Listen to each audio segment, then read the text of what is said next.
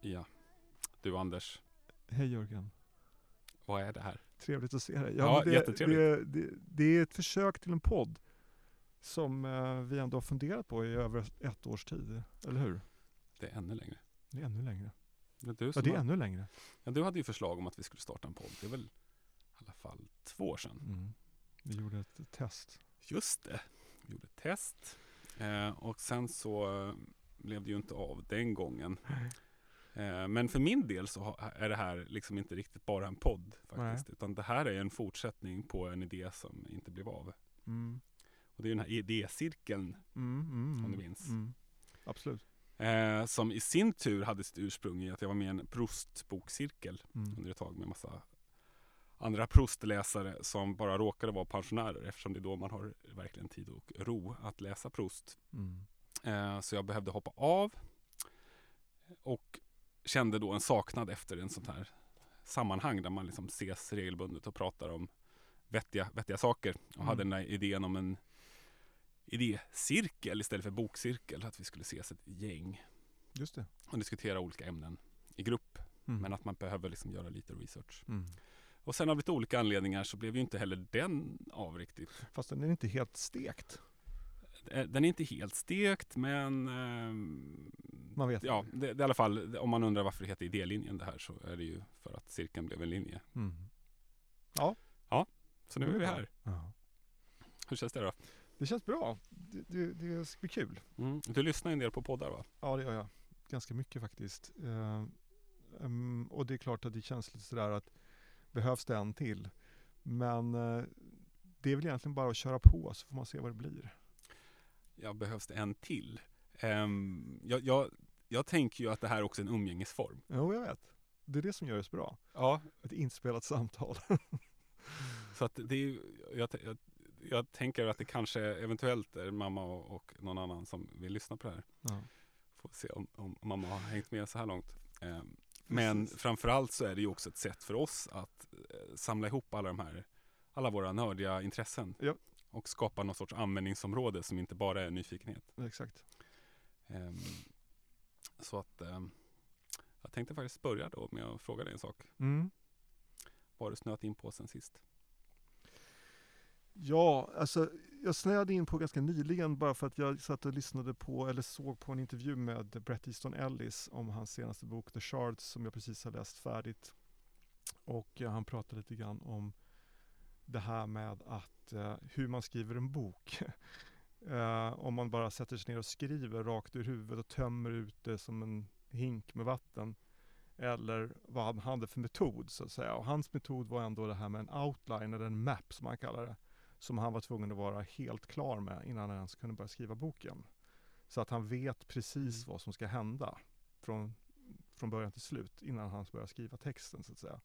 Så han jobbade med det här med outlines och maps i väldigt stor utsträckning och det påminner mig om att jag såg en dokumentär med den norska författaren Jan Kjærstad för flera år sedan när han beskrev jag vet inte om du har läst den där trilogin om Jonas Wergeland, Erövraren. Nej. Men i vilket fall som helst, men han, han beskrev hur han hade gjort sin outline för den trilogin.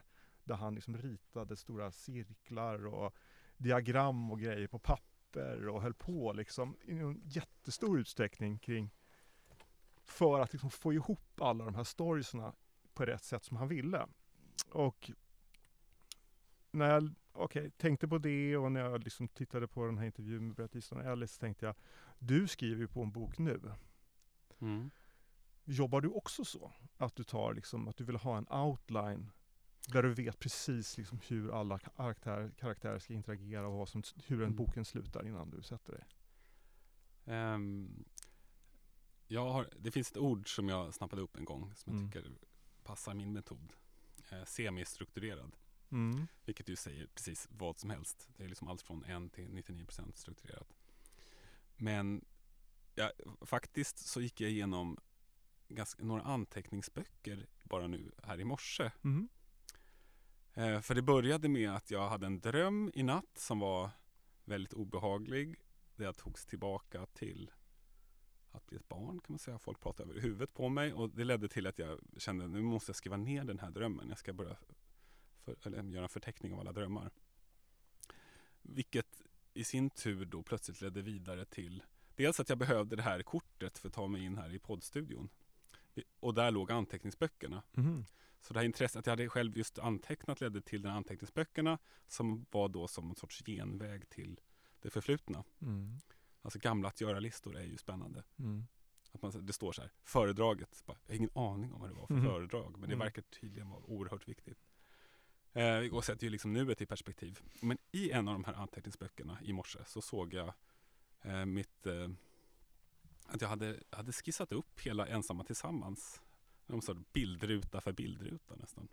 Alltså min eh, Så rita, ritat, tecknat liksom. Ja, det var faktiskt rutor med pilar. Den här pilen jag, så att det, som, som scener. Ja, okej. Och det har jag inget minne av att jag gjorde. Inte som ett storyboard med... Nej, och det, var, det här måste ha gjorts i efterhand också. Okej. Eh, så att ofta är det så att jag har, en, jag har en början, en mitt och ett slut ungefär. Jag vet vart vi är på väg men inte hur vi tar oss dit. Nej. Och det är ju själva, det är den resan som är det fascinerande i liksom själva skrivandet. Att, Ja. att plötsligt så bara är man på en plats och man har inget minne av hur man hamnade där. För att det, det är flow som ligger däremellan som någon sorts vakuum. Ja. Och så, är man, har man liksom nått målet. Eh, och det är liksom den där snitslade vägen som man då Men när du skrev Ensamma, tillsammans, hade du hade du en bild av, innan du satte liksom skrev ut boken, hade du en bild av exakt hur du skulle sluta? Du visste liksom vad, Ja, vilken resa karaktärerna skulle göra? Ja, just den boken hade jag absolut inte det. Den boken eh, blev ju skriven ungefär på samma sätt som det känns att läsa den tror jag. Att den är ganska oväntad. Eh, och det är mycket som händer och jag, jag hade sånt, sån energi när jag skrev den. Att jag hade, alltså bakgrunden till hela liksom, skrivandet var ju att jag hade jag, jag läste på psykologprogrammet ett år. Mm, mm. Eh, vilket förde med sig att man kom upp i någon sorts energinivå som man vanligtvis inte behöver Mm. vara uppe i. Man Mm. tenta, tenta, tenta. Mm. Och det hade inte jag upplevt på väldigt länge att behöva vara så pass fokuserad. Man kan liksom inte slappna av en, en dag nästan. Mm, För då halkar man efter. mm.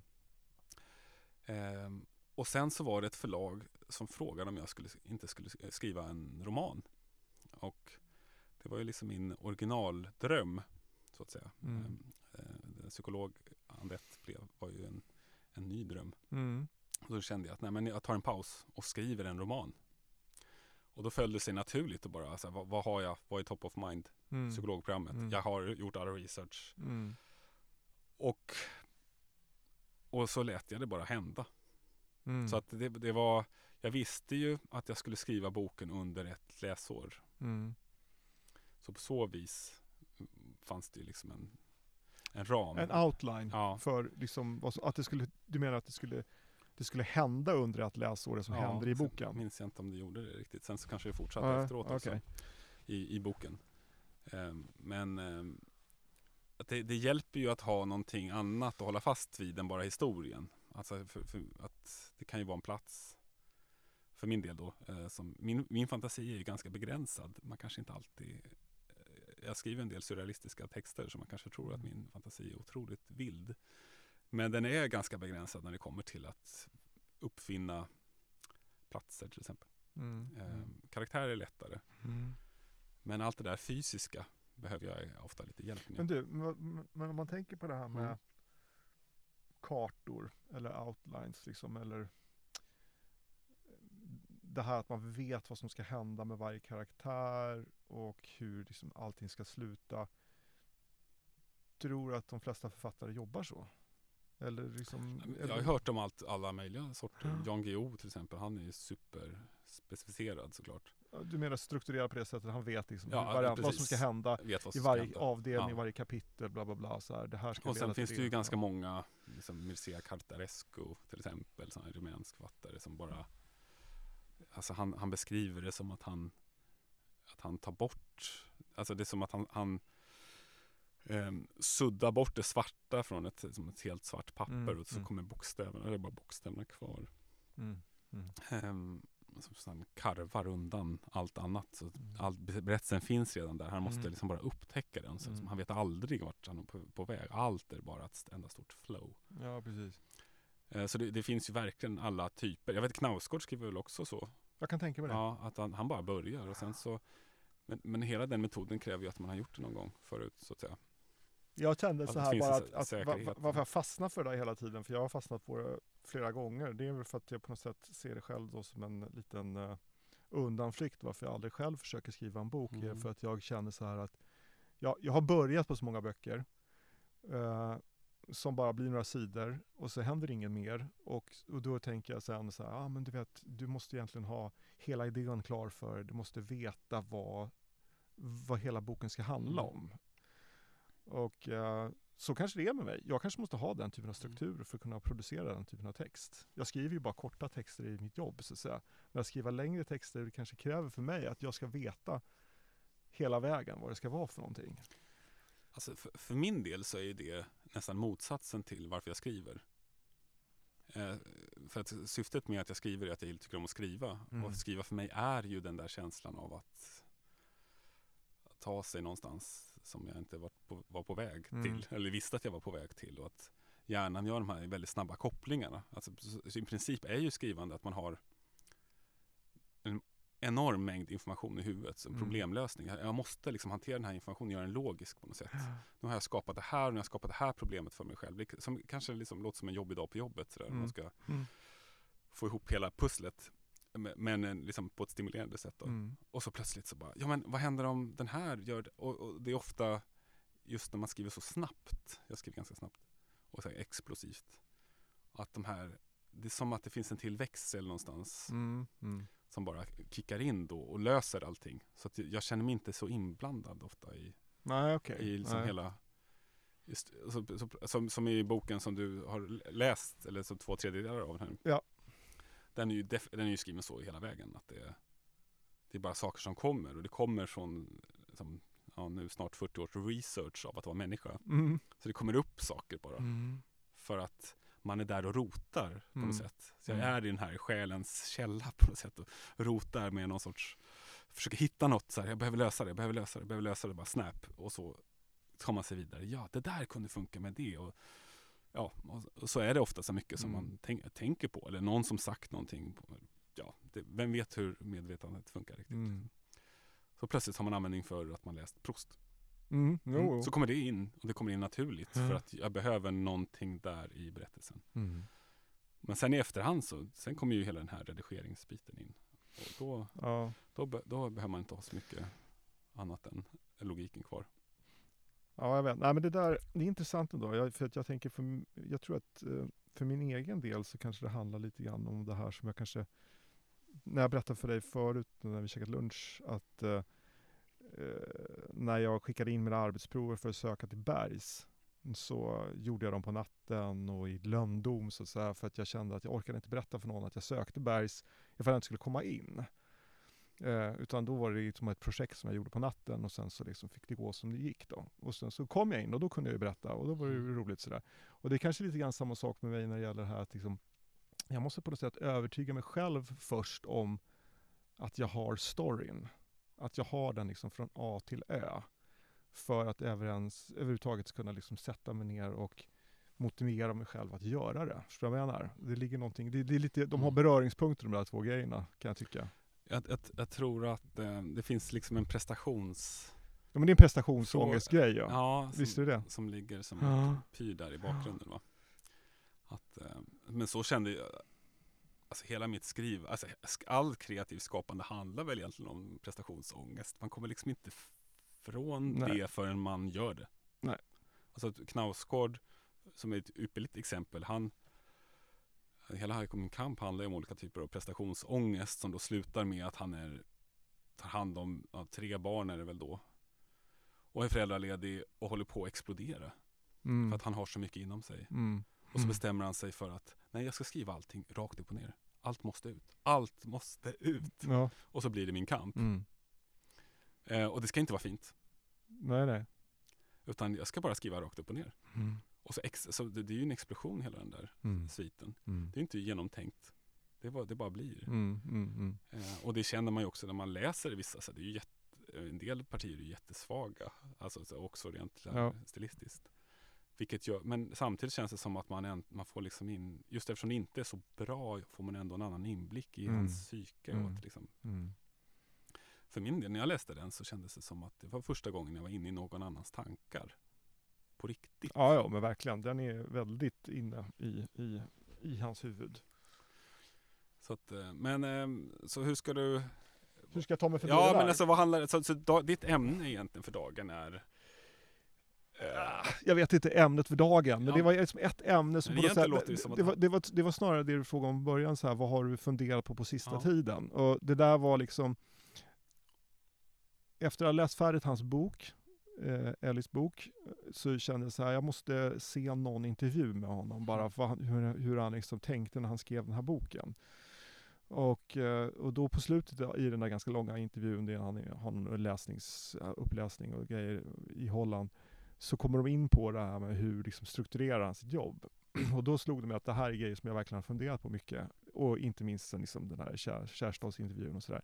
Så att då slog det mig så här, men undrar hur Jörgen gör eftersom du är mitt uppe och skriver en bok. Det var därför jag tänkte jag skulle ställa frågan, för det där är någonting, jag menar, det är inte någonting som jag har tänkt jättemycket på senaste veckan bara, utan det är liksom då och då så kommer det där tillbaka. det, det låter egentligen som att din fråga är hur ska du göra? hur jag ska göra? Ja, att det är det som Jo, är men, ämnet. jo, jo, det, absolut. Och det är det ju. Och, och det är så här, och då kanske man gömmer sig bakom det här, liksom så här för jag har liksom andra vänner som skriver också, de bara säger, ja men det är bara att sätta sig vid, det är bara att sätta sig vid datorn, det är bara att skriva, det är bara att skriva. Och jag har märkt att, ja, vet fan om det där är min, min väg att gå. Utan jag kanske måste, jag kanske ändå måste testa den här, jag måste hitta den där grejen som jag vill ta från, från, från början till slut. Jag fick faktiskt den här frågan för någon vecka sedan. För jag är med en, en eh, det eh, det knyter ju an lite till vårt stora ämne för dagen som vi inte ska avslöja Mm, riktigt än. mm. Eh, Men eh, då är, jag är med i en skrivgrupp då med folk från hela världen. Mm. Genom, eh, den heter Shut Up and Write och det är liksom en internationell skrivgrupp jag hittat genom en meetup som är ett socialt medium. Eh, Och då är det en man där som heter Gul och han är från Turkiet tror jag. Och han gör Han har en Youtube-kanal där han har liksom så här självhjälps ja, Filosofiska videos kan man säga. Mm. Men nu var han sugen på att skriva en roman och ville liksom ha tips på hur man gör. Mm. Verkligen mer konk- väldigt konkreta tips. Och då, då, då, då började jag med att säga ungefär det jag sagt hittills. Men han var inte helt nöjd. Ja, det så men kom med, jag vill ha liksom, konkret, hur lägger man upp det rent, hur ser sidorna ut? Ja. Och då kan jag säga, just den här boken, nu, nu kommer jag in, det låter som jag säger emot mig själv här nu, för att min bok är ju otroligt strukturerad. Boken har tre delar, Mm. det vet jag sedan tidigare. De är ungefär lika långa. Jag har skrivit två av tre delar och vet att den Mm. sista kommer bli lika lång som de andra. Det 100, kommer ju 110 sidor 110 dessutom. sidor. Ja, det kommer ja. den bli. Ja. Och de delarna sinsemellan brukar vara uppdelade ungefär. Det har varit lite olika mellan olika böcker men jag brukar dela upp dem, att det är 110. Ja, det är kanske i alla fall att man delar upp dem i fem delar. Sen så kanske de får olika styckesindelning och sånt. Mm. Men att man vet den där delen, är alltså du vet den dramaturgiska kurvan i princip. Mm. Mm. Och så, det blir lite lättare att hantera för det är 110 sidor är lättare att planera. En, alltså 330 sidor är nästan omöjligt att planera. Så man måste dela upp det i de här delmomenten. Eh, och sen de sinsemellan då.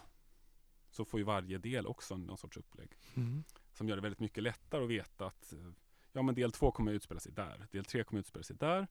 Så man behöver inte tänka så mycket på dem. Mm. De delarna behöver mer tänka att komma ihåg saker som hänt i de första delarna som man liksom knyter an. Mm. Alltså då blir det, en, det blir bara mer och mer eh, fakta i huvudet som man behöver Mm. Mm. liksom, hitta någon användningsområde för. Kände sig Gull eh, eh, nöjd med svaret? Ja, han var, det var han nöjd. han, var, han ville också Ja. struktur? Ja, han ville det. Så här, det, ska vara tio, okej, du delar upp det i fem delar, eh, tio sidor. Eh, per del, fem delar, så swap. Och så har du en tredelars bok, du har vet. 150 sidor. Men, och, och, och, sen så skriver du 5000 tecken om dagen. Du börjar klockan 8.30 på morgonen och slutar 10. ja, just det. Och det där sista på något sätt, kanske liksom återigen då tillbaks till Jan, Jan Guillou. Där har du Att svaret. tio sidor om dagen. Det ska skrivas tio sidor Ja, om jag, dagen. jag har varit väldigt sträng med, med sånt där tidigare. Ehm, och det funkar ju.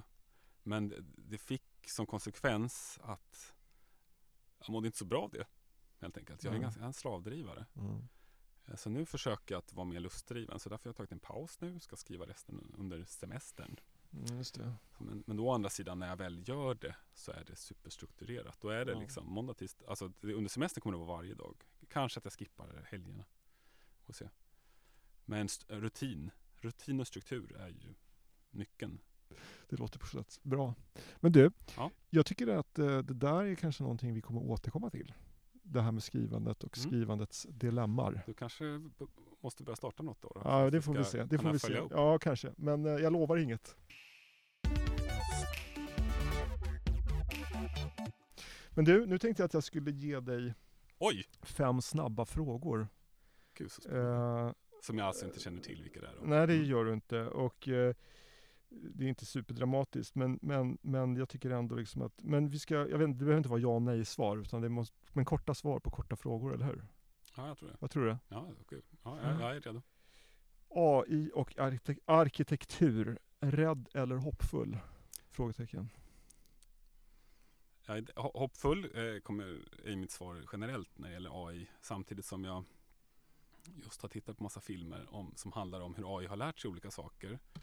Och det är inte så läskigt, eh, det är inte så skrämmande att se varför alltså AI har lärt sig persiska till exempel. Det är inte så skrämmande. Det skrämmande är att ingen vet varför. Mm. Att den plötsligt bara lärde sig persiska. Eh, och att man för någon månad sedan kom på att AI hade fått någon sorts logiskt tänkande i stil med en nioåring. Utan att man vet exakt överhuvudtaget den hade någon typ av den typen av slutledningsförmåga. Eh, men jag, jag tror ju att AI har en förmåga, kommer ha en förmåga att tänka eh, liksom utanför den mänskliga boxen så att säga. Men om om här är verkligen boxen. Ja, Oj, men det här var det långa svaret. Ja, det var långa svar för grejen Hoppfull då, hoppfull. Ja, men för, ja, det var AI och arkitektur. Mm. Specifikt. specifikt. Absolut. Eh, om man kombinerar AI med arkitektur och mänskligt eh, beteende Mm. så tror jag att det finns väldigt mycket annorlunda lösningar man kan Ja. komma. Där, och våra behov av ljus till exempel. Det var varför jag frågade den, var för att jag läste en jätterolig artikel i DN. Det var en arkitekt som hade skrivit om just AI-arkitektur. Jag ska, jag ska, Hur Vi skulle det kan vara kort svar? ja, jag vet. Men det, men det, var ro, det roliga var bara så här, ja, vad din spontana känsla var, om det var rädd eller Superhopp, hoppfull. ja, Ja. superhoppfull. Kul. Vi lägger den där, äh, vi ja, lägger nu den där, lä- vi lägger en länk till den här artikeln i, Mm. någonstans på podden. Okej, ja, det, kommer, fråga det, två. kommer, det kommer referenser. Kan vi säga. Det, är, ju- det är ju alltid, det tycker jag är trevligt själv när jag lyssnar på Ja, poddar. precis. Fråga två. Fredrik Reinfeldt som fotbollsbas, bra eller dåligt? eh, mittemellan. Eh, jag tror att han är väldigt lämpad att ha en liksom, högt uppsatt position där det innehåller mycket nätverkande internationellt. Eh, jag är negativt inställd till partipolitiska kopplingar eh, på den nivån eller liksom i, liksom i föreningsvärlden. Mm. Eh, å andra sidan, vad ska han annars göra? Okej, det är för- mest för Fredriks skull. Ja. Ja, jag menar, jag menar, vi kan ju inte låta, vi kan inte ha ett samhälle där man inte får, får engagera sig partipolitiskt. Nej, nej, nej. Då får nej, man ingen nej, jobb sen. Nej, nej, det, nej, det är ju orimligt. Så att Nej, jag, är- jag är ganska eh, ändå po- lite positiv. du, du vill ge honom en chans i alla fall. Mm. Okej, fråga tre. Ska pojkar börja ett år senare i skolan än flickor?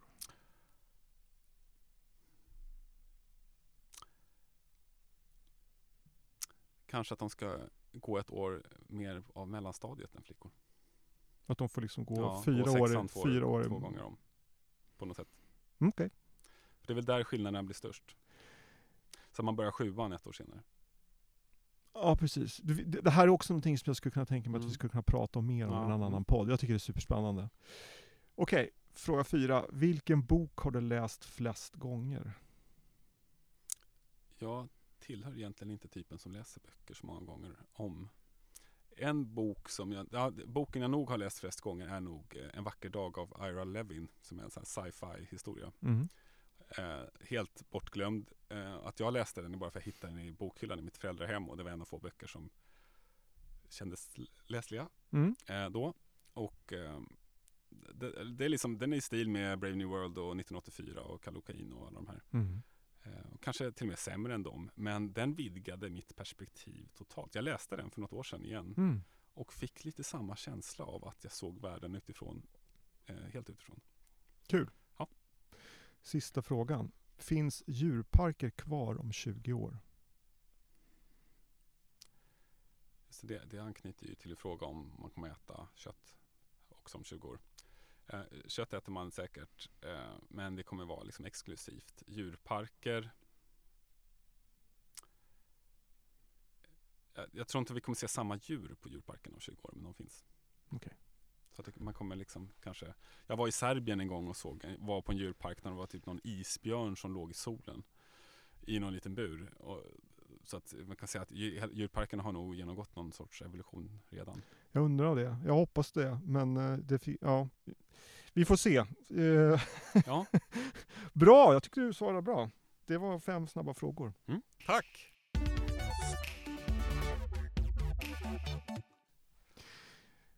Och eh, nu eh, ska vi gå in på det som du har funderat på de sista dagarna eller veckorna. Ja, vad jag har snöat in på. Snöat Eh, in på, helt Alltså, det är så otroligt mycket saker. Och det här är ju nästan den stora anledningen till att vi har podden. Att det, att, jag ska inte säga att det känns meningslöst, för det känns otroligt meningsfullt att snöa in på saker. Ja. Att hitta sån där rabbit hole på Wikipedia och bara sugas in. Eh, så man kan säga att podden gör ju att, att det känns ännu mer värdefullt. Ja. Att tillbringa så mycket tid med att lära sig nya saker. Ja. Som inte har något att göra med någon typ av egen vinning eller något yrkesmässigt. Liksom. Eh, och så- men nu är det ju Baltikums historia som gäller. Mm. Tungt. Och, och när jag, berättade, jag, jag berättade, jag jobbar ju på Nordiska museet och Mm. då så berättade jag för folk där nu precis innan jag åkte hit att vi ska spela in podd, jag och min farbror. Jaha, vad ska ni prata om? Och då sa jag ja men Baltikums historia. Och då, och då var det jättemånga som tyckte det var det bästa ämnet. Eh, Vi har tydligen otroligt mycket porträtt av olika fältherrar från slag där i Baltikum eh, på museet. Som jag, jag har sett porträtten men aldrig tänkt på att Mm. det är så här Livland och annat. Så att d- det de sa var då, men det är ju vår historia. Mm. Eh, och då kanske man kan tänka sig att jag vill prata om Livland eller Ingermanland eller allt det där som eh, eller typ Dagösvenskarna är också väldigt spännande. Det kan jag tipsa eh, folk att kolla upp. Eh, men jag vill prata om eh, Jakob Kettler. Mm. Och du har ju, du har ju fått veta smyginformation Ja, information om ja, att det är Jakob. Kettler som gäller. Ja. Jag kunde inte riktigt hålla mig. Eh, och du kallade honom för Baltikums Elon Musk.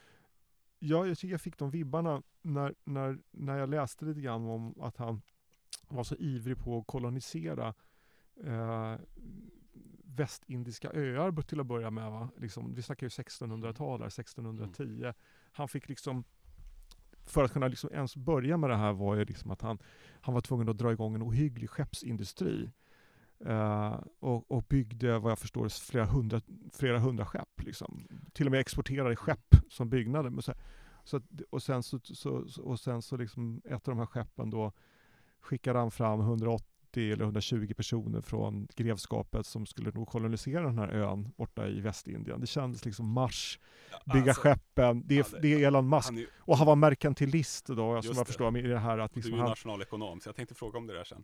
Ja, alltså det, jag, är, jag, är, jag är inte nationalekonom. Jag, jag läste jag är ekonomlinjen, men jag läste liksom en annan inriktning, småföretagsekonomi. Men förstår, min, Vad det? min, vad, vad jag förstår vad merkantilism är, så är det på något sätt så det här att man, att man vill se till att bygga så mycket välstånd, eller så mycket förmögenhet som är möjligt i ett rike genom att exportera så mycket som möjligt och importera så lite som möjligt.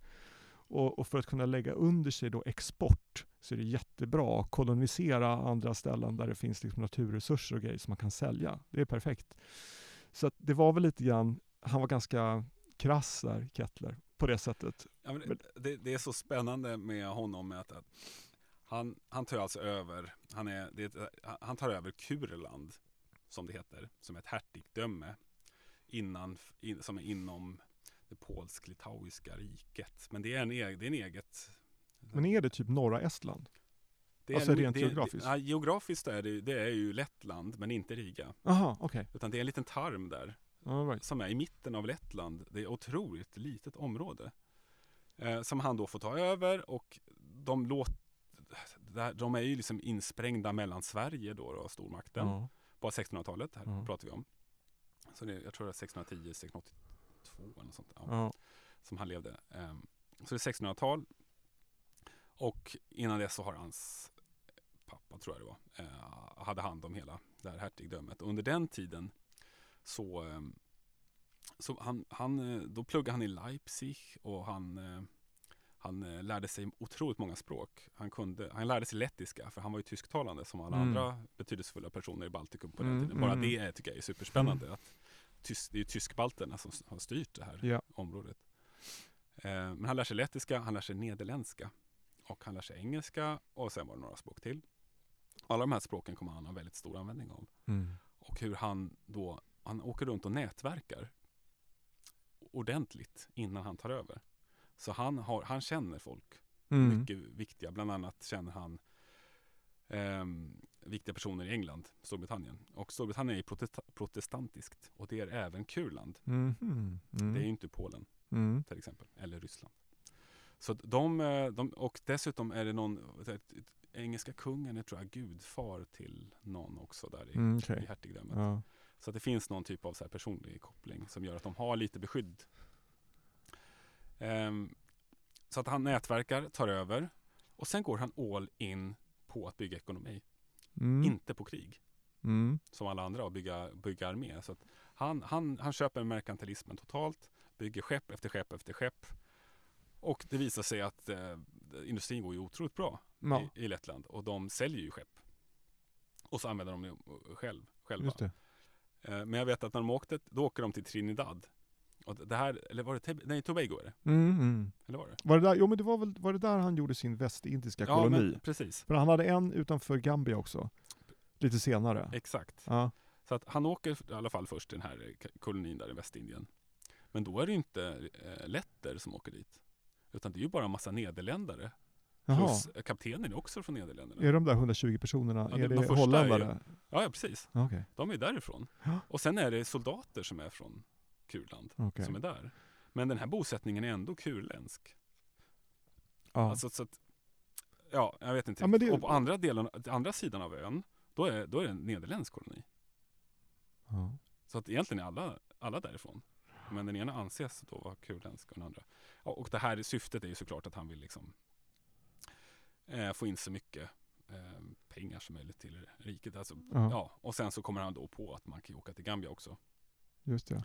Och då så tar han över en ö där mitt i den här floden. Just det. ehm, som sen blir ganska betydelsefull. Va? En Jo men det är det, den, hette, den hette, om jag inte minns fel så hette den typ St. Andrews Island först. Men att den nu då, sen kanske, jag vet ja, 30-40 år tillbaka, heter Kunta Kinte Island. Och efter den person då som boken Roots bygger på, Mhm. eller Rötter, eh, som skrevs någon gång på 70-talet tror jag, om, om hur, hur, hur Kunta Kinte blir tillfångatagen och skeppad över till, till Förenta Staterna som slav. Så, men innan dess In- då, så var det kurländskt. Den Ja, det här- var det. Ja, den här slaven. Eh, och han var också ingen slavdrivare riktigt, eh, eh, vår vän Jakob. Utan han, eh, han eh, köpte sig till ön och hade en bra deal med den lokala. Ja fast han, höll, han, han var inte var där inte- för slavar va? Nej, Eller? utan det, det Nej. här var ju... Det, var, det här mycket tidigare. Ja, det handlar om strikt om olika liksom, ja. eh, vet det, import och export. Liksom. Ja. Eh, och nu hade han ju en triangel va. Ja. Han hade ju Västindien, Afrika och Europa. Ja. Eh, och sen lite, lite kuriosa där är att när sve- svenskarna, eh, de, de fängslar honom också ett tag. Så han tappar ju allt. Och det, det finns också någon an- anekdot om hur Sverige ehm, ehm, ja, då vill förstöra den här koloni, kolonialiseringen Mm. i, i Gambia. Så de eh, köper, köper till sig tjänsterna från några lokala pirater som åker och plundrar den här ön. Mm. Ehm, Så att han, han tappar den eh, ett tag. Ehm, På sikt så är det engelsmännen som tar över. Men, men faktum är att han, han släpps ut sen eh, av svenskarna. Och kommer sen ägna resten av sin karriär åt att försöka få tillbaka allt. Och han lyckas. Mhm. Så när han dör så är Kurland fortfarande ett hertigdöme. Och han, de har de här kolonierna. Mm. Och sen dör han och allt faller. Så han var inte så jättebra på success, succession. Liksom. Nej, okej. Känner. Eh, så att det, det byggde ju på honom. Att han, han var ju, måste ju varit en väldigt exceptionell person helt enkelt. Ja. Eh, som satsade, det var som så här, Roberto Carlos, fotbollsspelaren, han, han har, det sägs att han har, han har sagt det här i alla fall, att fotboll är som en filt. Att man måste liksom välja vilken del av kroppen man ska liksom täcka. Så det är alltid två spelare för, för få i fotboll. Ja. Man kan inte spela 4-4-4, Nej. utan det är 4-4-2. Ja. Så du får välja liksom vad du placerar. Och lite så verkar det vara liksom med stater också. Alltså, han satsade allt på handeln och det funkade så länge han levde. ja. Det var han som var entreprenör. Men han, han, han var ju fast där mellan stormakter och det, det höll ju inte Mm. hela vägen. Nej. Eh, men eh, ja, Baltikums historia. Ja, får vi se om, han, om Elon Musk går samma öde till mötes. Faktiskt. Det var ju en intervju med honom eh, nu som Wall Street Journal gjorde. Där de ställde just den frågan. Du såg den intervjun? Ja, det gjorde jag. Otroligt bra intervju. Ja, det var det. Han, som, han som ställde frågorna, han var ju otroligt skicklig på att ställa rätt frågor utan att eh, göra honom liksom förnärmad. Mhm. Ehm, Men du tänker just där avdelningen han Ja, pratar om Succession. Ja, precis. Alltså Vad inte tv-serien utan hur han, hur han tänker med sina barn. det här har jag tänkt på så många gånger. Jag vet inte om alla tänker på det. Men Elon, Elon Musks hela imperium bygger på Elon Musk. Mm. Vad ska hända om han inte finns? Jag menar, om man har läst de böckerna om honom så förstår man att det, det, det är ju en persons driv här, som är grejen. Och han har ju så många barn dessutom. Så det, det, det, det, Ja. är inte på kartan kanske än att några av dem skulle ta över. Och de kommer inte göra det på samma sätt som, han är ju så unik. Va? Det kändes ju som att han, och det, det där sånt kan ju säkert förändras med åldern, men det kändes som att han var inte sådär han såg inte framför sig att han hade något barn som skulle ta Nej. över. Det han kände väl att han bara så här, huvudsaken att de gör någonting som de har talang för och tycker är roligt. Så Så han hade också sagt till styrelserna alltså, vilka personer han tyckte skulle ta över respektive företag. ifall han Ja, dog idag. ja, liksom. Ja, jo. Så att, eh, ja, så det, det blir intressant att följa. Det var också intressant att han kallade Twitter för Twitter slash X hela tiden. ja, just det. Vad är det med bokstaven X? För att det Han har ju fått någon hang-up på att han ska skapa The Everything App. Jo, jag vet. Men jag tänkte X, på, ja. apropå, apropå det här norska bolaget OneX. Ja, SpaceX. Men OneX har det med honom att göra? Nej, det har ju inte det. Men, men det som du skickade kring det här med att till och med OpenAI hade gått in som eh, riskkapitalist i det här norska bolaget som Ja, höll på med robotar. robot.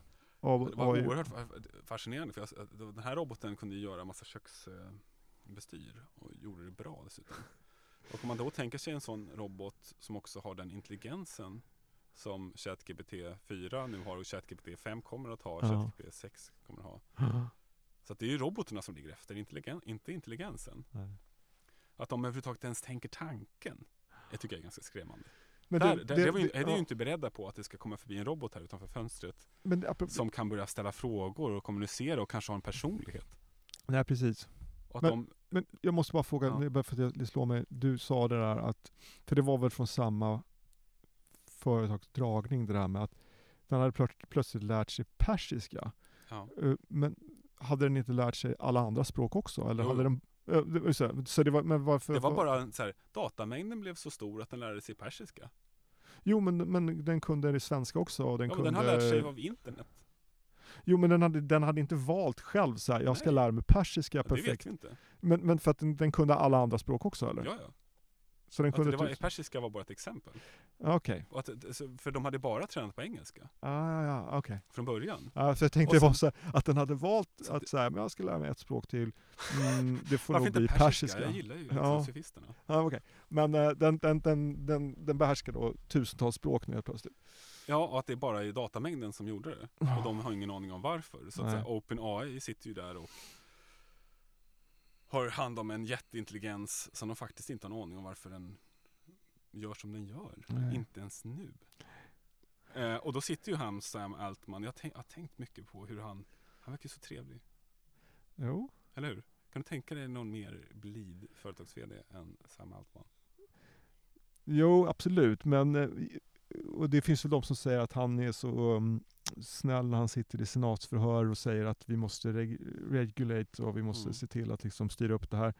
Att det är på något sätt att han, att han känner att det är bättre att vara i tältet och kissa ut än att stå Mm. utanför tältet och kissa in. Alltså det, på det här att han, att han får vara med och påverka hur, hur de här reglerna kommer vara. Genom att göra sig tillmötesgående gentemot alla de här senatorerna som egentligen bara vill dra upp riktlinjer. Så kan han få vara med och utforma riktlinjerna. Och så kan han indirekt då skapa liksom vallgravar, skydda sig konkurrensmässigt mot andra. Och så där. Så att, och jag har ingen aning vad hans motiv är. Men samtidigt så, så här, som jag skickade till dig i morse, att igår så gick de ju ut igen med en slags statement, han och många andra, eh, chefen för Googles DeepMind bland annat sådär, att, att, att det, eh, det måste regleras för att det är att jämställa med hur vi globalt ska hantera pandemier, hur, hur vi globalt ska hantera eh, kärnvapen, bla bla bla.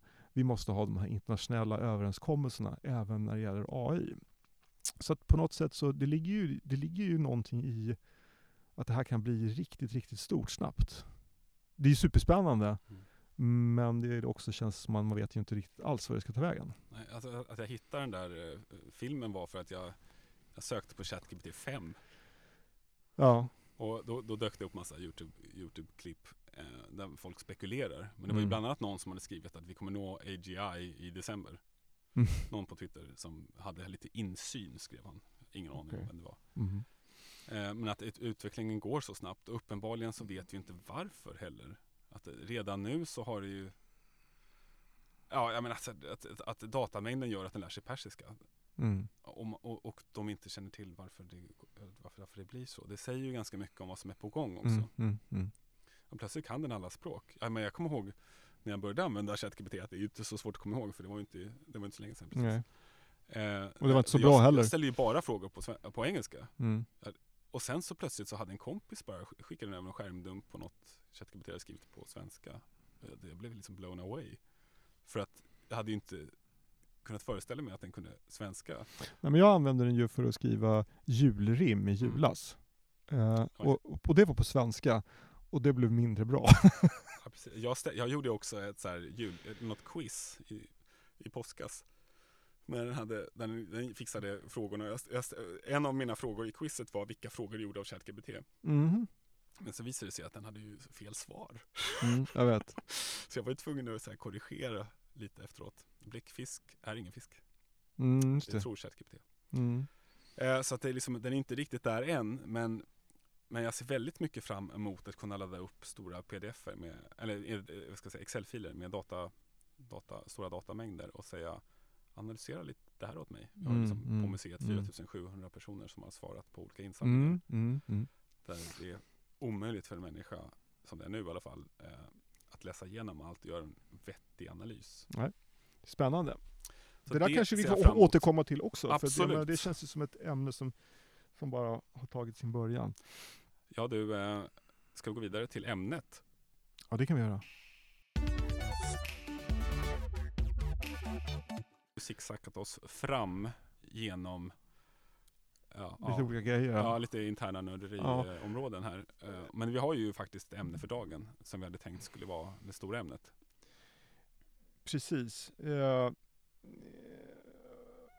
Sociala medier. net good or net bad på svenska. Alltså, Alltså, just, det, och det det, har ju diskuterats ska vi säga. Det, vi är inte först. vi är inte först, absolut inte först. Och, och, och grejen är så här, här måste man ändå så tänka sig, ja, vad är man ute efter? Net good och net bad, det är på något sätt att man ska göra någon slags bedömning av nettot av sociala medier. Mm. Det är klart att det finns massvis med bra grejer och det finns massvis med dåliga grejer. Eh, varför har vi börjat tänka på det här igen då? Eh, jo, det är bara för att jag på något sätt under det senaste året har, har dels liksom i, i, i min vänkrets och läst mycket om det så här att, att det är så många unga människor som verkar må dåligt. Alltså att den här trenden med att unga människor, speciellt tjejer, sedan 2011 mår sämre och sämre och sämre och sämre. Och det är någonting som känns liksom som att det har, och det har bevisligen också, hänger ihop väldigt mycket med sociala medier. Eh, och, eh, och då börjar man tänka på, så okej, vad är det för bra grejer som kommer ur det här, alltså, som kan kontra det här faktiskt jättedramatiska, dåliga som kommer ur det här. Och liksom, är det, är det net good eller net bad? Jag, jag vet inte riktigt vad man ska svara på det, men det Ja, det känns liksom som att just sociala medier, och det är liksom inte internet som, som sådant, utan det är verkligen begränsat till sociala medier. Spontant för mig känns det som att det är en nätbärd. När jag tänker på att det är så många unga människor som, och även folk liksom i vår ålder som mår dåligt av på något sätt det här jämförelsehysterin eller vad det kan handla om. Kan du inte berätta om den här LinkedIn-posten? Du kanske Ja, kan eh, alltså- av, avmaskera den något? Ja, jag- nej, jag vet inte. Det, det, det, den, det är egentligen så här, eh, den, den jag, vet, jag vet inte, jag, jag är svårt att maskera, Avmaskera. den. Egentligen så här, Maskera? maskera den. Ja precis, don't mask. Nej men det var, det var väl egentligen bara så här, det var väl egentligen inget mer än att eh, det var, det var en, en LinkedIn-post som delades med mig som på något sätt handlar om att det är en person som på något sätt behöver skriva av sig för att få en massa olika bekräftelse eh, och eh, beröm och sådär, bara hur, hur god han är som människa och sådär. Och det där är ju, det är ju en grej i det hela, men det, det var ju person i, i vår ålder någonstans, men, men jag tycker på något sätt att det som drabbar yngre människor känns som ett mycket, mycket större problem. Eh, och även om alltså, den här personen kanske också mår dåligt, men, men så är det ändå sådär att det här kan få sådana konsekvenser för samhället i stort också. Inte bara för alla dessa stackars individer. Utan, och, och det där är, och, då, och, då, och då och kommer vi osökt in till de här två super, super intressanta poddavsnitten från Ezra Klein som heter eh, som, som handlar just om det här som heter Teen Mental Health Crisis Part 1 och Part 2. Det är Ezra Kleins podcast som, som det var ett par avsnitt bak i den. Mm. De kan jag verkligen varmt rekommendera. Och I båda avsnitten där är han pratar med två olika människor som är väldigt insatta i ämnet. Så varav en är kanske lite mer pro sociala medier och den andra lite mer cons. Så, så är det ändå så att båda två är ändå rätt överens om att det här att det måste finnas eh, en åldersgräns på 16 år åtminstone är superviktigt. Jag ska bara lägga till en sak om det där LinkedIn-posten. Mm. Eh, för att vi har ju vant oss vid att människor gör så. Just i det här fallet så var det ju en väldigt framgångsrik företagare som i princip skrev att det finns andra värden i livet också förutom att bli miljardär. Mm. Och på ett, ja, det, det var ju på ett ganska fånigt sätt. Att det jag reagerade mest på i den posten var ju att han skrev ju om en, en kollega då, som han, eller samarbetspartner som han jobbar mycket med. Och hur hon då går in i kommentarsfältet och skriver Åh, det är du och jag och hjärta, hjärta, hjärta och vi är det bästa teamet. Och just det där sättet att kommunicera på inför så här öppen ridå. Mm. Det är det som har, det blir så uppenbart töntigt när det är kanske två personer i 50-årsåldern. Mm.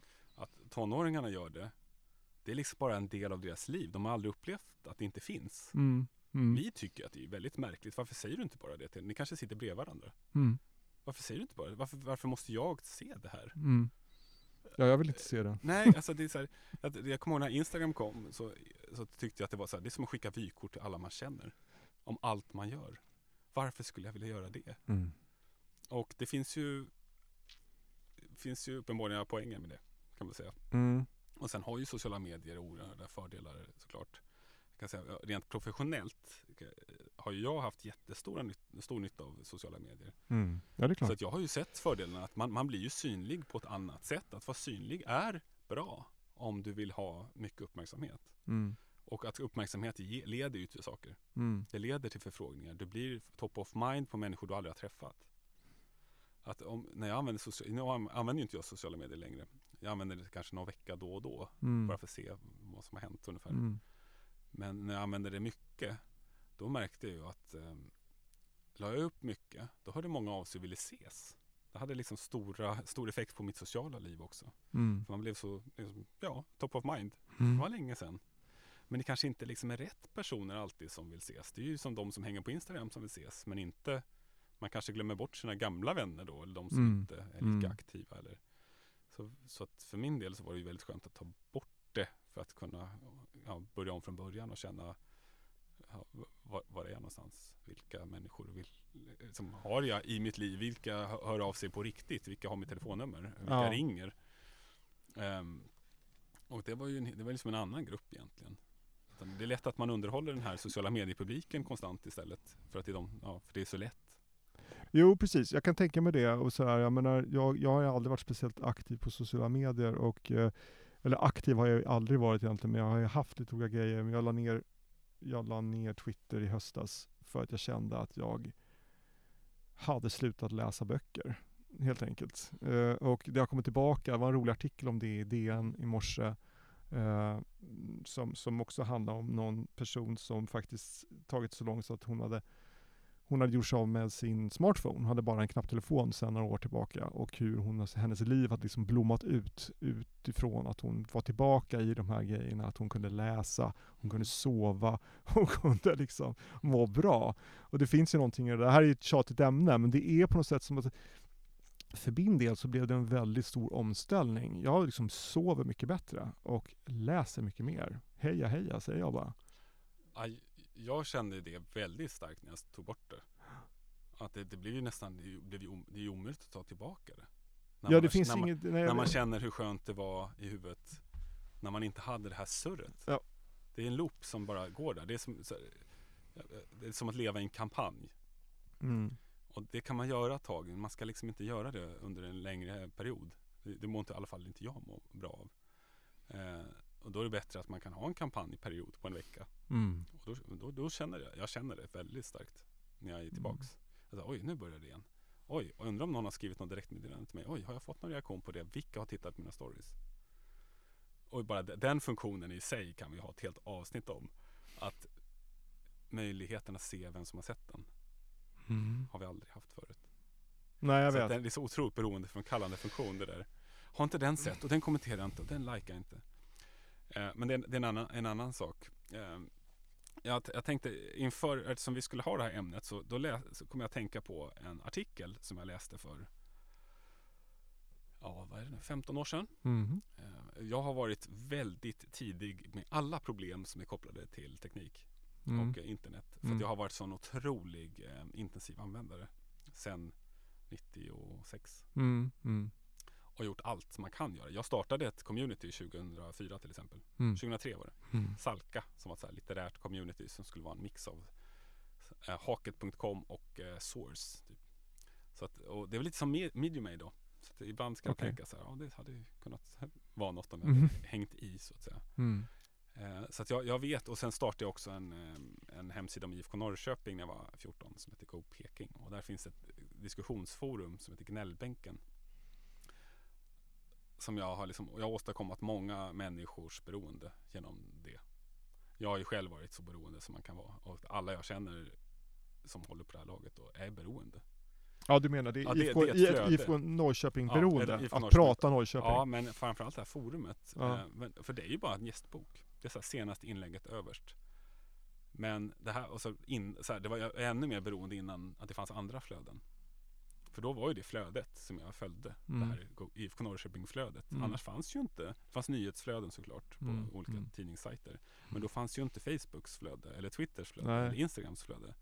Det kom ju senare. Så jag var ju väldigt liksom, eh, bekant med intermittent förstärkning som det är ju när man inte riktigt vet om man ska få någon feedback. Mm. Man går in och kollar, har det hänt något? Nej. Har det hänt något? Nej. Och du vet inte riktigt när det kommer hända något, men plötsligt händer det något. Mm. Och då blir du förstärkt i ditt beteende. Bingo, jackpot. Ja. Eh, och, så att jag var väldigt bekant med det, jag har liksom gått igenom.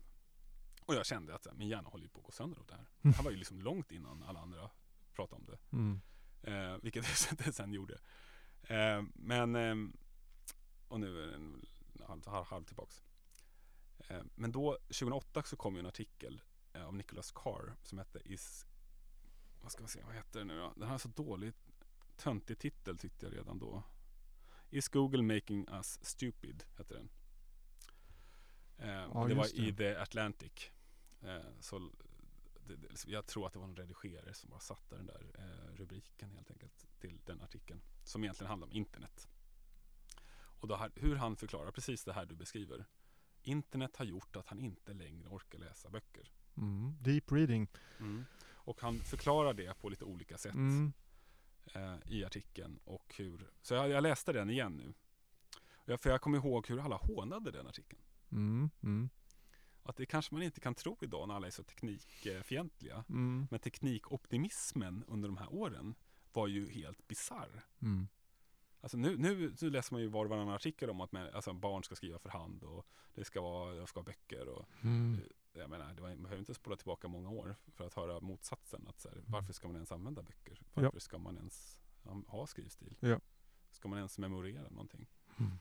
Eh, och i den, i den eran när han kom med den artikeln, då, han blev ju alltså totalt hånad. Mm. Så där är det inte alls. Det är bara han som känner så. Nej, internet. Självklart. Det var lite så här,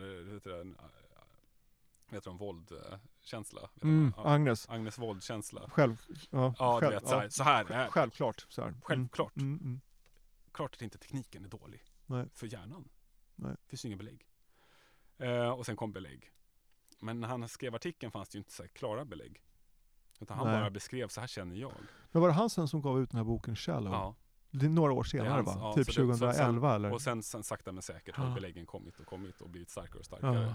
Och man ser liksom Ja som du säger där med mental ohälsa och annat så. Ja. Det, det, det finns ju liksom en startskott för det här och även utbrändhet.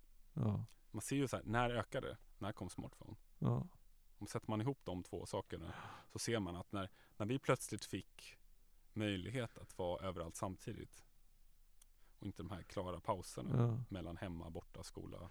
Men det är liksom intressant Arbete, också för att liksom. eh, även då många av de här techledarna idag Mm. och även liksom förut då med Steve Jobs var ju och är väldigt restriktiva för sina egna barn. Extremt restriktiva. Min, min dotter har ju haft TikTok-löfte. Som fick 500 kronor för ett halvår utan TikTok. Mm. Och sen skaffade hon det igen då nu för hon klarade sitt, halv, sitt halvår. Hon, Mm. hon bad om det ska jag säga. Hon bad om. Mm. För att hon hade en kompis som fick 5000 för ett år.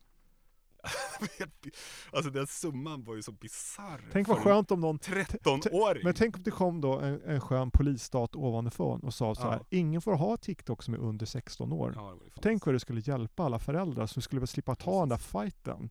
Eller? Ja, ja, ja, men det absolut. Jag vet Nej, inte. men det, ja. det, ehm, det, det behöver regleras. Allt behöver regleras, eh, nästan. Allt det vi inte kan reglera själva. Liksom. Systembolaget fyller ju en funktion. Ja. Men vi har inget systembolag för sociala medier. Nej. Eh, Men jag ska säga att min dotter skaffade det sen igen. Gick igenom det och kände, hon kände liksom suget. Mhm. Bara, det här är vidrigt. Hon, hon tog bort det Mm. frivilligt. Bra jobbat. Utan, hon får ingen betalt nu men Mm. hon lever, hon har ju, men samtidigt ser jag hur hon använder Snapchat. Ja okej, men ändå. Eh, Ja. Det är ett tips om man liksom vill hänga med eh, ung, ungdomar idag. Sitt bakom en på bussen och se hur de använder Snapchat. Mm. Alltså det går så snabbt så att, ja, det är, att och de vill bygga upp sina streaks du vet. ja, jag vet inte. Ja men du vet, här, om, man, om man har skickat, man ska skicka Jag till varandra varje dag. åldern. Om man skickar till varandra, alltså det är ett sätt att bygga band okej. mellan vänner. Så Ja. man skickar mellan varje dag som en Ja. streak. Okej. Och missar man att skicka då en dag, Ja. då bryts ju streaken. Ja. Ja, det är, det är hon väldigt beroende av. Och, eh, men jag ska säga att i, i den här artikeln då, då beskriver han också hur andra tekniker hittills har förändrat vårt sätt att se på oss själva och våra tankar. Och till exempel du vet, Nietzsches aforismer. Hur de kom till. Det var när skrivmaskinen kom. Mm. Innan dess så skrev han mer som essäer. Mm. Men sen kom skrivmaskinen och då plötsligt så började han skriva kortfattat. Mm. Mm. Eh, och han beskriver, alltså Nicholas Carr beskriver i den här artikeln också hur klockan gjorde oss mer effektiva. Eh, för att vi kunde börja mäta Mm. vår tid. Tidigare Mm. så var allt bara ett stort flow. Och det, vad det förde med sig då. Och då började när, den mekaniska klockan kom, då fick folk, då började de, folk jämföra hjärnan med ett urverk. Mm. Och sen kommer datorn och då jämför vi det med en dator. Mm. Ganska ändå stor, stor skillnad mellan urverk och dator tycker jag. Ehm, och hur han då väldigt då menar att hjärnan är inte som en dator. Nej. Den funkar inte så. Även Nej. om eh, de här AI Ja men till exempel Google-grundarna som båda ju liksom, ja, kommer från föräldrar som har AI Som jobbade med, som AI-forskare. Mm. Mm. Som då Är man en väldigt logisk människa kan man ju få för sig att alla andra också är det. Ja. Att alla andras hjärnor och känslor och allt annat är begripligt och logiskt. Ja. Det, men ja, jag är inte det i alla fall. Nej. Jag känner mig inte särskilt logisk alla gånger. Utan jag, jag förstår inte liksom hur det går till. Och då, då tänker de säkert, ja men det går nog att räkna på. Mm. Eh, men det tycker inte Nicholas Carr. Ehm, och just, han är också inne på hur hjärnan är plastisk då, att påverkas av det vi gör Mm. hela tiden. Vilket vi också pratar mycket mer om idag. Mm. än man gjorde då för 15 år sedan som det liksom är. Ehm, och sen så säger han en sak som är ganska intressant här. Att, vet, när, när det kommer någon teknik, då, då, då säger ju nästan alla att tekniken i sig är neutral. Mm. Eller hur? Mm. Till exempel kärnkraft. Eller, ja, eller ja, den tekniken. Mm. Det kan ju leda till en fantastisk energikälla. Mm. Eller till bomber. Mm. 50-50. Mm. Mm. Det är vad vi gör med tekniken. Mm. Det låter ju bra. Eller hur? Sociala medier. Ja, man kan använda det till si eller till så. Men eh, liksom men så som, eh, men så, här, så som det har blivit då. Är TikTok 50-50? Nej men grejen är ju så Är här, Flashback 50-50? Alkohol? Tobak? nej, men grejen är så här liksom att, och det här är också liksom välkänt och naturligtvis att det är ju inte ett ne- neutralt medium utan det finns en affärsmodell. Och affärsmodellen bygger på att liksom du ska generera någonting som ger intäkter för den som har levererat tjänsten. Och då, och då bygger det liksom inte på att det är 50-50 för det är inte ett val som folk gör längre. Utan du, du, du, det är algoritmen som gör valet åt dig. Mm. Ja, men som Google-grundarna som då säger att de, hela syftet med Google har hela tiden varit att bygga AI. Då behöver de, man behöver mycket information. Mycket information. Och hur får man mycket information? Ja, genom att se till att man är kvar. Mm. Då blir det inte så neutralt längre. Nej. De vill ju inte att du ska klicka helst på någonting. Alltså klicka dig bort. nej, nej, nej. Ehm, så att, så att det blir inte så. Och jag tänker så här, infinite scroll. Är det 50-50 verkligen? Är de här att notifikationsrutorna är röda? Är det verkligen 50-50 den tekniken? Alltså de, den är ju gjord för att Absolut. bara göra oss hooked. Och jag klarar inte det. Alltså så, här, så fort, jag menar, skulle notifikationsrutorna vara gröna istället? Jag skulle inte alls vara, eller bruna. Jag skulle inte alls ha samma kick. Men när de är röda, det, det, det är ju någonting i oss. Jo, men de är experter på det där och det är ju liksom, de är ju experter på att veta hur de ska utforma det för att du ska liksom gå vidare. Och, och det där får vi nog leva med, så Mm. att säga, för att jag menar, det är så här, det är vad det är. Jag vet inte, det går Mm. nog inte att reglera bort det. Då, då måste du ha så otroligt glo, glo, globala regler som du aldrig kommer kunna Mm. få till.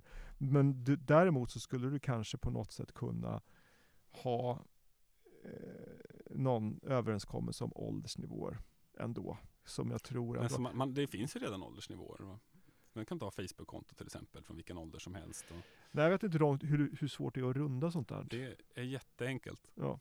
Så att, eh, det, det måste på något sätt Det vet till, alla barn. det måste till något annat för att få till att den där... Men sen finns det ju Roblox.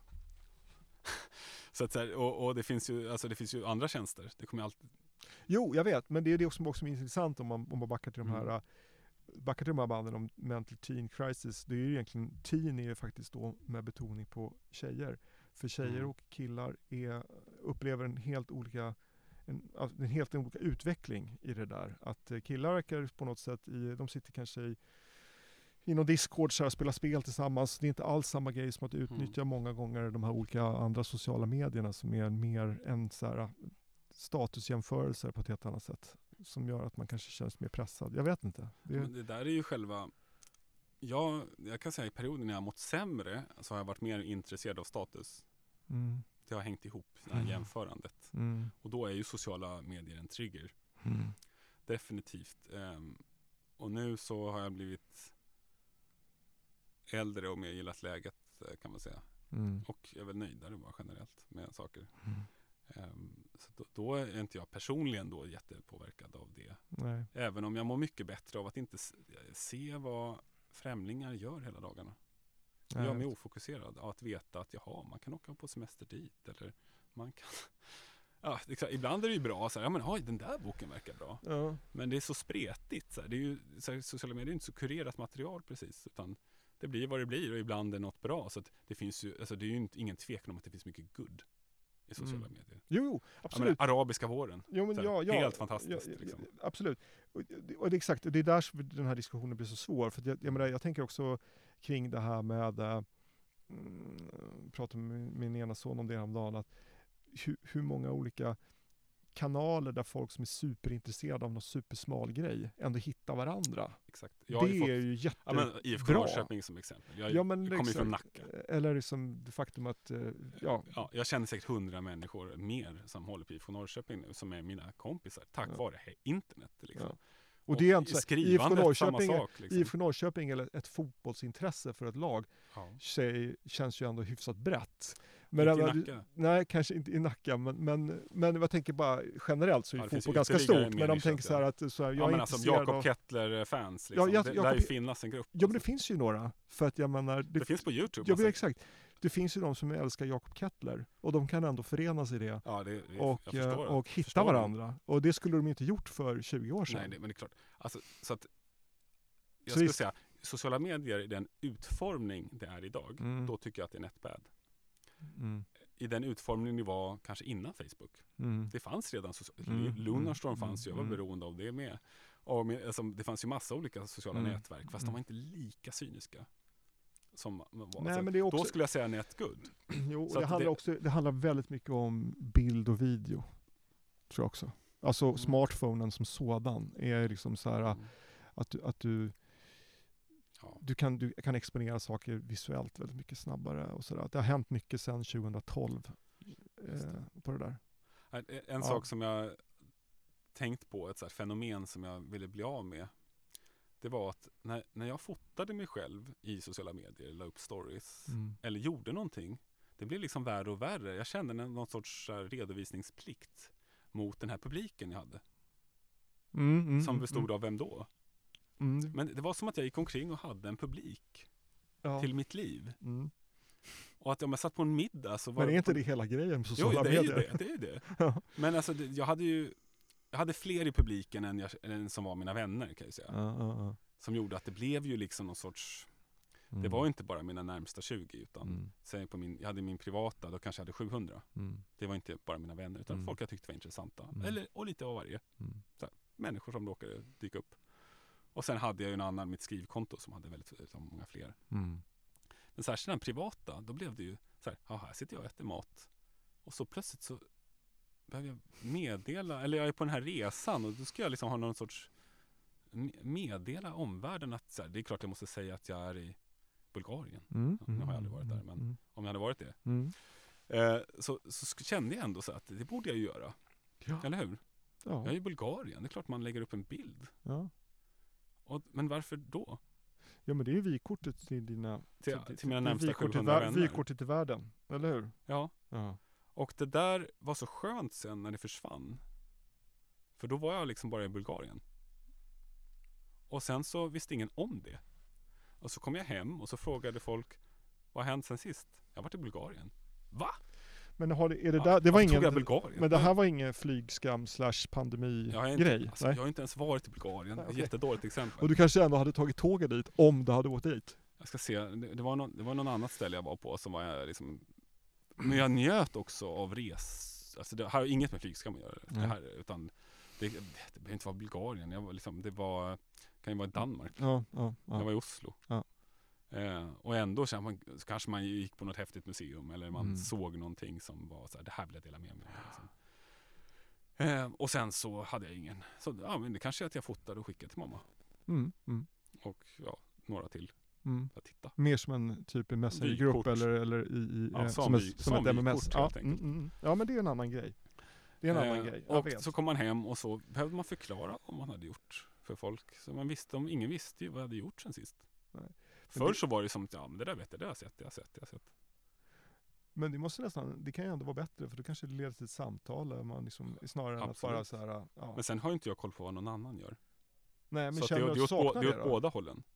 Alltså det har varit några händelser eh, som jag då inte hängt med på riktigt. Det är liksom någon som fått barn och så får man veta ett halvår efteråt. Okej. Men jag får, alltså det är ju ingenting jag inte fått reda på som jag borde få reda på. alltså, som är riktigt viktigt. Nej det brukar man få reda man på får ändå, reda på det men Ja, det kanske blev med fördröjning. ja. Men liksom alla andra fick veta det eftersom någon la ut det. Så här, de har gift sig och så har de, liksom, lägger man Nej men jag får, jag får ju aldrig reda på någonting eh, av förklarliga skäl då. Med tanke på att jag inte är på så, jag har aldrig varit sådär. Och det, jag kan tänka, jag pratade med min fru om det häromdagen att så här, ja men du, ska ni ha någon sån här typ återförening när ni gick ut nian och sånt där. Eh, och, och det hade de tydligen haft då när de tog för 20, ett 20-årsjubileum Mhm. och bla bla bla. Jag har ingen aning om mina gamla klasser har haft massa återföreningar. Ah, Det, och det kanske de har haft och det hoppas att de hade roligt. Men det är väl en typisk sån där grej som att är man inte Ja. på Facebook så, så Ja, är, då, är man, då, är man, då är man bortgången.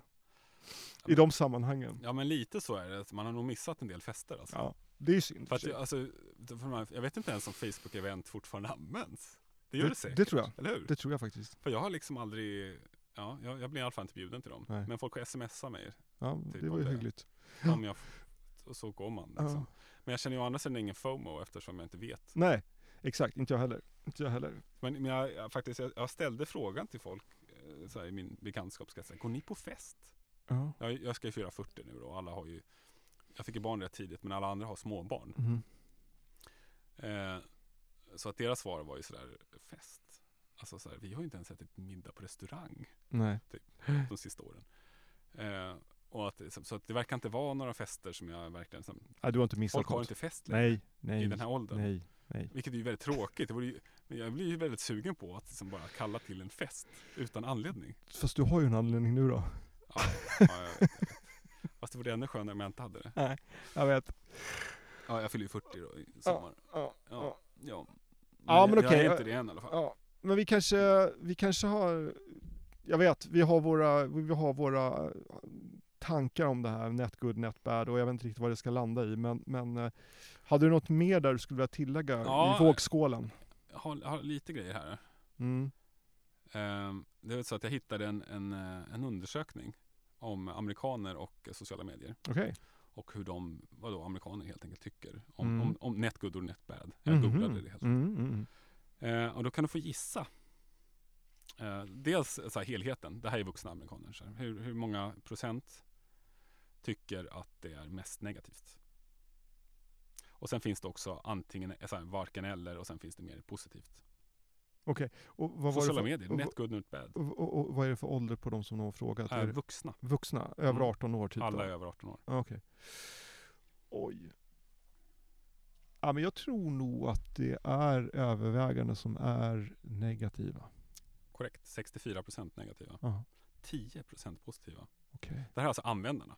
Kan man säga då. Av de Det som... här är alltså det, Vadå, undersökningen gjordes på Facebook Ja, typ eller? men man vill säga, och då säga att om man, om man om man, nu, om man har en tjänst Ja. med de här siffrorna så kan man ju tänka sig att man skulle tycka att det var något negativt. Eller hur? Facebook borde titta på det. Jävlar, våra kunder tycker att det här är jättedåligt. Det här, det här skadar mänskligheten. Ändå så tror jag att de skulle titta på det och tycka, ja, bra, då har vi liksom Ja. dragit åt skruvarna ordentligt. Nej men det, jag tror bara det där speglar, om det där är användare dessutom, och alla de där är Ja, det- användare. Det vet man inte så, om de är. De, nej men jag säger så här, men om de är i majoriteten då, eftersom Ja. det verkar som att i västvärlden så är majoriteten på sociala medier, så är det nog så att det var 2020. de, de, de, de flesta som är där på något sätt känner, fan jag använder det här för mycket. Mm. Och på något sätt Ja. måste svara då, Fast ja det kan, är nog egentligen dåligt. för man kan inte hantera det. Man kan inte liksom så Men här, då skulle frågan jag borde så här, sluta är röka. Godis eh, net good och net bad? Ja men exakt. Det är ju, det är ju, det är så här, men jag kommer inte sluta äta Nej. godis. Är alkohol net good och Ja, net bad? ja, Du men skulle nog försvara net bad Ja. för mänskligheten. Men eh, det är rätt trevligt också. Exakt, det där är en svår fråga. Det är många som brukar säga här, ja, om alkohol skulle lanseras Ja. idag så skulle det inte bli tillåtet. Nej, det är möjligt att det inte skulle bli, men nu är det där det är på något sätt. Och eh, det är klart att det är en net Mm. men eh, eh, nu är det vi där. Det är gott med vin, så är det bara. Ja, Tycker man lär jag sig hantera det och så vidare. Ja, jag men Men, eh, men, ja, exakt. men det är problematiskt med saker som är gjorda för att man inte ska kunna hantera det. Det är ju som själva syftet. Jo, vet, det är så de är men- utformade, alla där- här jo, men- TikTok, liksom, men där- algoritmen, Men, liksom. jo, vet, exakt, men där är ju, jag, tror inte så här en vin, en vinbonde, han har inte så här listigt så här, ja, nu ska jag göra mina, Nej, mina kunder beroende av vin och då kommer de köpa mitt vin. Utan, Nej. men däremot har du då som Facebook, hur många miljarder användare har Facebook? Två, tre Ja. miljarder. Då, är- där kan man ändå säga, nu gör vi det här beroende, framkallande. Ja. Det, det har vi allt att vinna på. Hur gör vi bäst? precis. Mm. Eh, men du ska också få en till fråga här nu. Okej. Eh, republikaner, de har delat upp rep- republikaner och demokrater nämligen. Ja. Vad tror du som ration? Republikaner kontra demokrater? Jag skulle tippa på att republikaner i högre utsträckning är negativt inställda. Mm, helt rätt igen. Oj. 78 procent är negativa republikaner. Bara 5 tycker att det är bra. Men demokrater tycker 53 procent att det är dåligt och 14 bra. Och, och det Och- där var sociala medier som fenomen? Ja, sociala medier som Ja, fenomen. mm, mm. Och då får man ändå komma ihåg, det här var 2020. Mm, Så Donald Trump finns. absolut. Och republikanerna tycker så. Frågan är vad de, det skulle vara intressant vad de, vad de skulle säga om så här äh,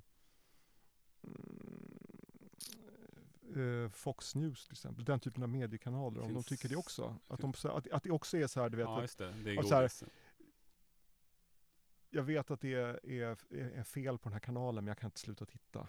Mm. Eller, och det kan ju vara samma sak med CNN åt andra hållet då möjligtvis. Liksom. Jag, Just det. jag vet inte, det är intressant det där ändå. Ja, har du själv några sådana där guilty pleasures?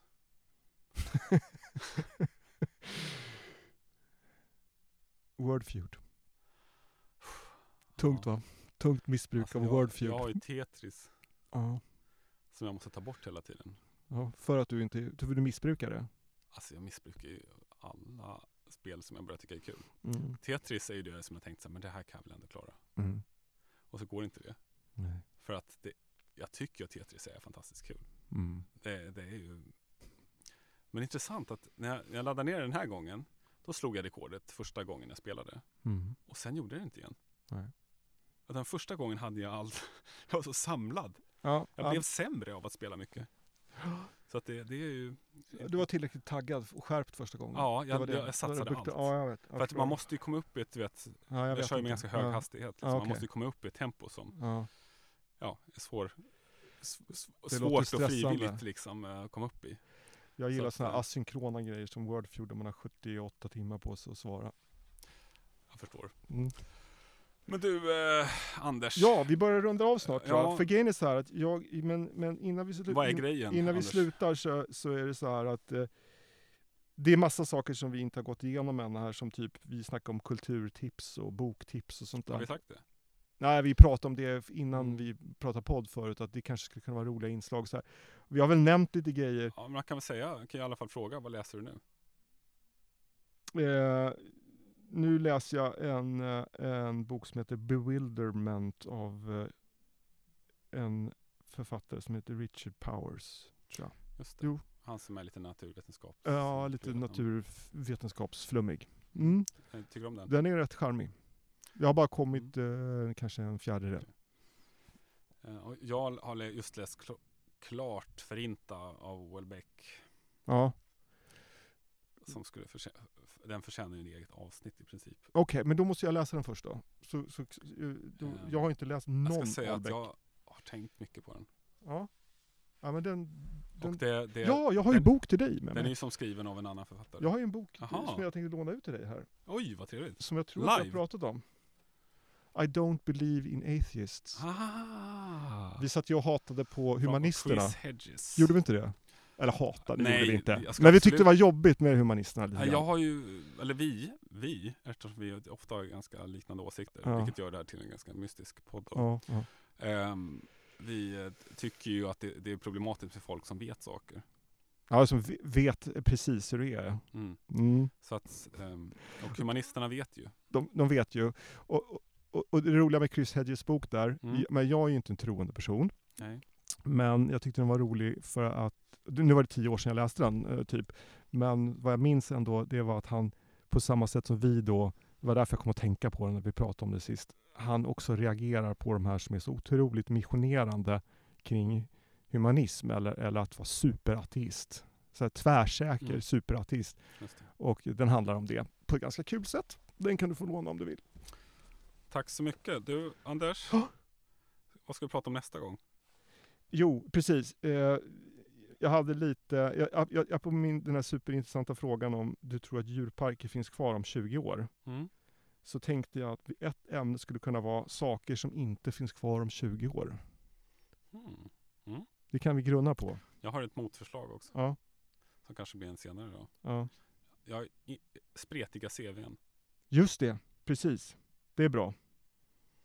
Eh, det, det här med generalister och specialister och annat. Mm. Det finns ju en hel del. Och jag går ju igång på ja men till exempel, nu hade jag som exempel hon Blossom. Du vet, kommer ihåg tv-serien från 90-talet? Eh, jag såg aldrig den. Då var ju hon väldigt ung. Hon Men jag såg den här. CV som du skickade, Ja, som var är- extremt... Hon är eh, neu- neurovetare Just det. eh, nu mera. Eh, och har gjort, jag ska se. Ja. Hon har doktorerat i någonting, va? alltså, supervetenskapligt. Hon, hon har ju, och sen är hon med i någon annan serie. Och hon, hon är ju liksom ja, och sen har jag en släkting som är ganska, som har, har en egen podd nu faktiskt, Ola Hermansson med Louise Epstein och Anders Mhm, Hansen. mhm. Som också Ja, ja, är ja. rockstjärna och neuro, alltså hjärnforskare. Också ett Och- brett CV, eller vad säger Ja, jag? den här Ett kombo, Spretigt, den som här du säger. Ja, intressant. alltid varit lite fascinerande. Ja, det är ett bra ämne. Det Så tror jag vi ska ta tag i. Ja, vi får se vad vi landar i då. Ja. Och eh, om någon nu eh, mot all förmodan är kvar, mm. så får vi säga tack för att ni har lyssnat. Exakt, tack.